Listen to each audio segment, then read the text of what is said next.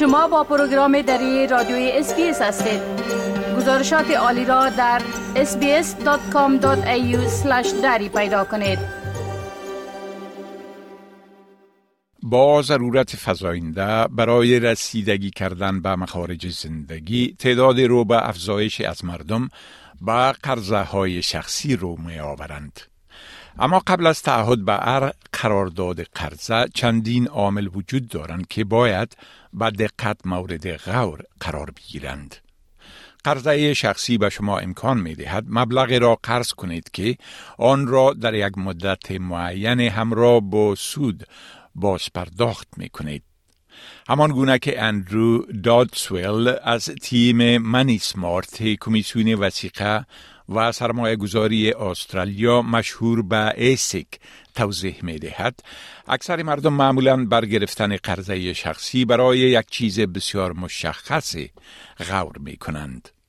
You might be planning a holiday. You might have a wedding coming up and think, oh, this is going to cost a lot of money. Also, we see it for home renovations and, of course, for cars. The real advantage of a personal loan is that it enables you to spread your costs over a set period of time, and that helps you budget and manage your money. The disadvantage is that personal loans come with fees and obviously will charge you interest. بسیاری از استرالیایی ها از طریق قروض شخصی با پیمانه قابل ملاحظه مقروض می شوند.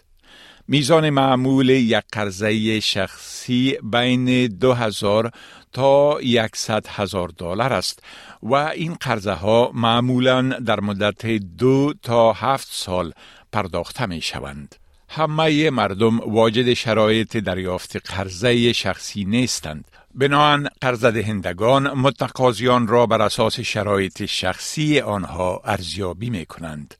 علاوه بر این هر قرض دهنده ایجابات متفاوت برای واجد شرایط بودن خواهد داشت. Generally speaking, you need to be over the age of 18 and you need to be an Australian citizen or a permanent resident. Now, there are some circumstances where, as a temporary visa holder, you would be able to get a personal loan, but there would be additional requirements. Lenders generally will ask you your financial history, what kind of job you have, you have to prove your identity, and what debts and assets you have. For example, do you have a credit card debt? قابل یادآوری است که قرض دهندگان صرف پیشینه اعتبار قرضه شما در استرالیا را ملاحظه می کنند. آنها برای معلوم کردن این که آیا شما می توانید قرضه را پس بپردازید یا نه از آنچی که نمره اعتبار قرضه یا کردیت سکورتان نامیده می شود استفاده می کنند. این را به عنوان تصویر از تاریخچه اعتبار قرضه استرالیاییتان تصور کنید. امی برادنی جورج متخصص امور مالی شخصی در نهاد فایندر در این مورد توضیح داده و می گوید که امتیاز اعتبار قرضه یا نمره اعتبار قرضه یک عدد بین صفر و یکصد است که توانمندی شما در مدیریت قرضه را برای قرضه دهنده نشان می دهد. Your credit score is a number. It's generally between zero and a thousand. And it gives lenders a benchmark for your ability to manage credit responsibly. And they consider your credit score to help determine the interest rate on the personal loan. So a lower credit score means there's more risk for the lenders. So they will increase that interest rate. اگر در گذشته باز پرداخت کردیت کارت ها یا قرضه های دیگر را انجام نداده باشید نمره اعتبار قرضه شما متاثر خواهد شد.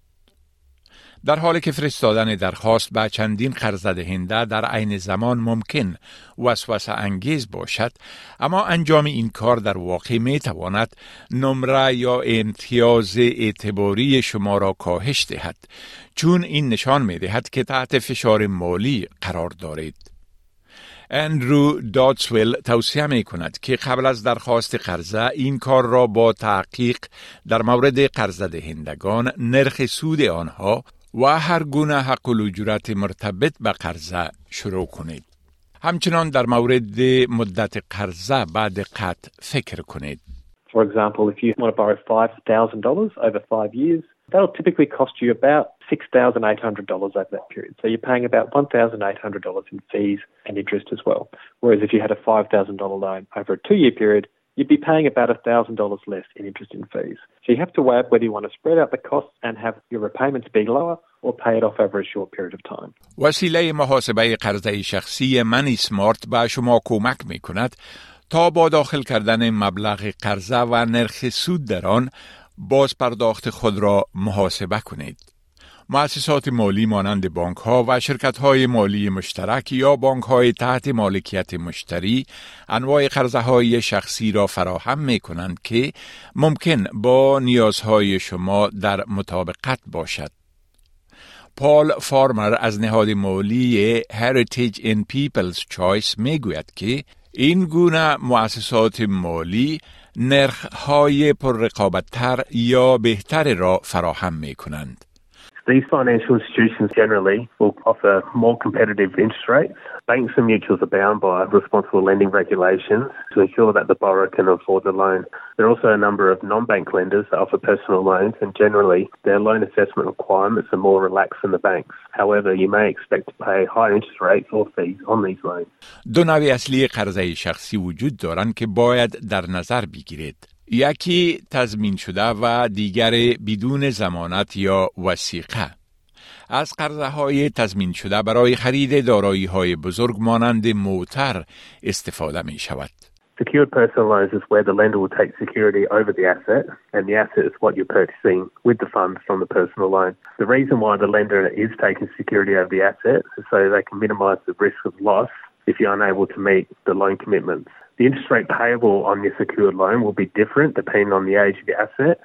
چون قرض دهنده بر دارایی شما زمانت دارد اگر شما باز پرداخت خود را انجام ندهید او می تواند آن را پس بگیرد.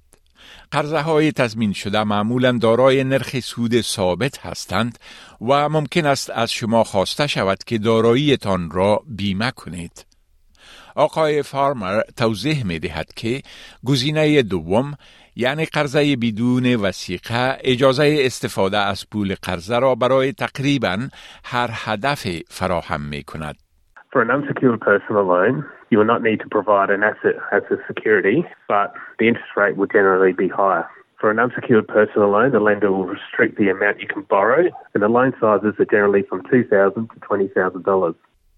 اگر مطمئن هستید که می توانید همه ایجابات را برآورده و باز پرداخت ها را مدیریت کنید معمولا می توانید به صورت آنلاین به قرض دهنده مورد نظر خود درخواست بدهید و اسناد مورد نیاز را زمیمه کنید اما خانم برادنی جورج می گوید که رد درخواست قرضه ها بسیار معمول است. When they're assessing your application, if they feel that your income isn't enough to cover repayments, they could reject your application. And tied to income as well, if you're in unstable employment or you haven't been with your job for a very long time, they can consider those factors against your application. حتی اگر یک قرضه شخصی را تأمین کنید ممکن است متوجه شوید که شرایط مالی شما تغییر می کند. عدم پرداخت به موقع باز پرداخت ها معمولا مصارف اضافی را به همراه دارد و توسل به راه حل های سریع مانند گرفتن قرضه های معروف به پید لونز یا بلند بردن حد قرضه کردیت کاردتان می تواند یک چرخه یا سایکل قرضداری را برایتان ایجاد کند.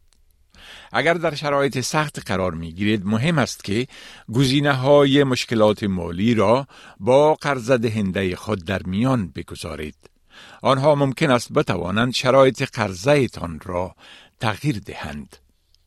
اندرو داتسویل از منی سمارت هر کسی را که با مشکلات مالی مقابل می شود تشویق می کند که با یک مشاور مالی تماس بگیرد. Financial counsellors are free and you can access them via the National Debt Helpline on 1800 007 007. Or if you don't speak English or English is your second language, you can also use the Translating and Interpreting Service, another government service, and they'll call the National Debt Helpline for you. و مانند همه معاملات مالی همیشه از فریبکاری ها برحذر باشید. وبسایت منی سمارت می تواند به شما کمک کند تا فریبکاری ها را شناسایی کنید و بدانید که اگر فکر می کنید که مورد هدف آن قرار گرفته اید چی کار باید بکنید. It's very important that if you're getting contacted about a personal loan to check the credentials of the company or the person you're dealing with. Don't agree to anything there and then. Always do your due diligence. Always do your research. If you're in doubt, ask for help. بپسندید شریک سازید و نظر دهید. اسپیس دری را در فیسبوک تعقیب کنید.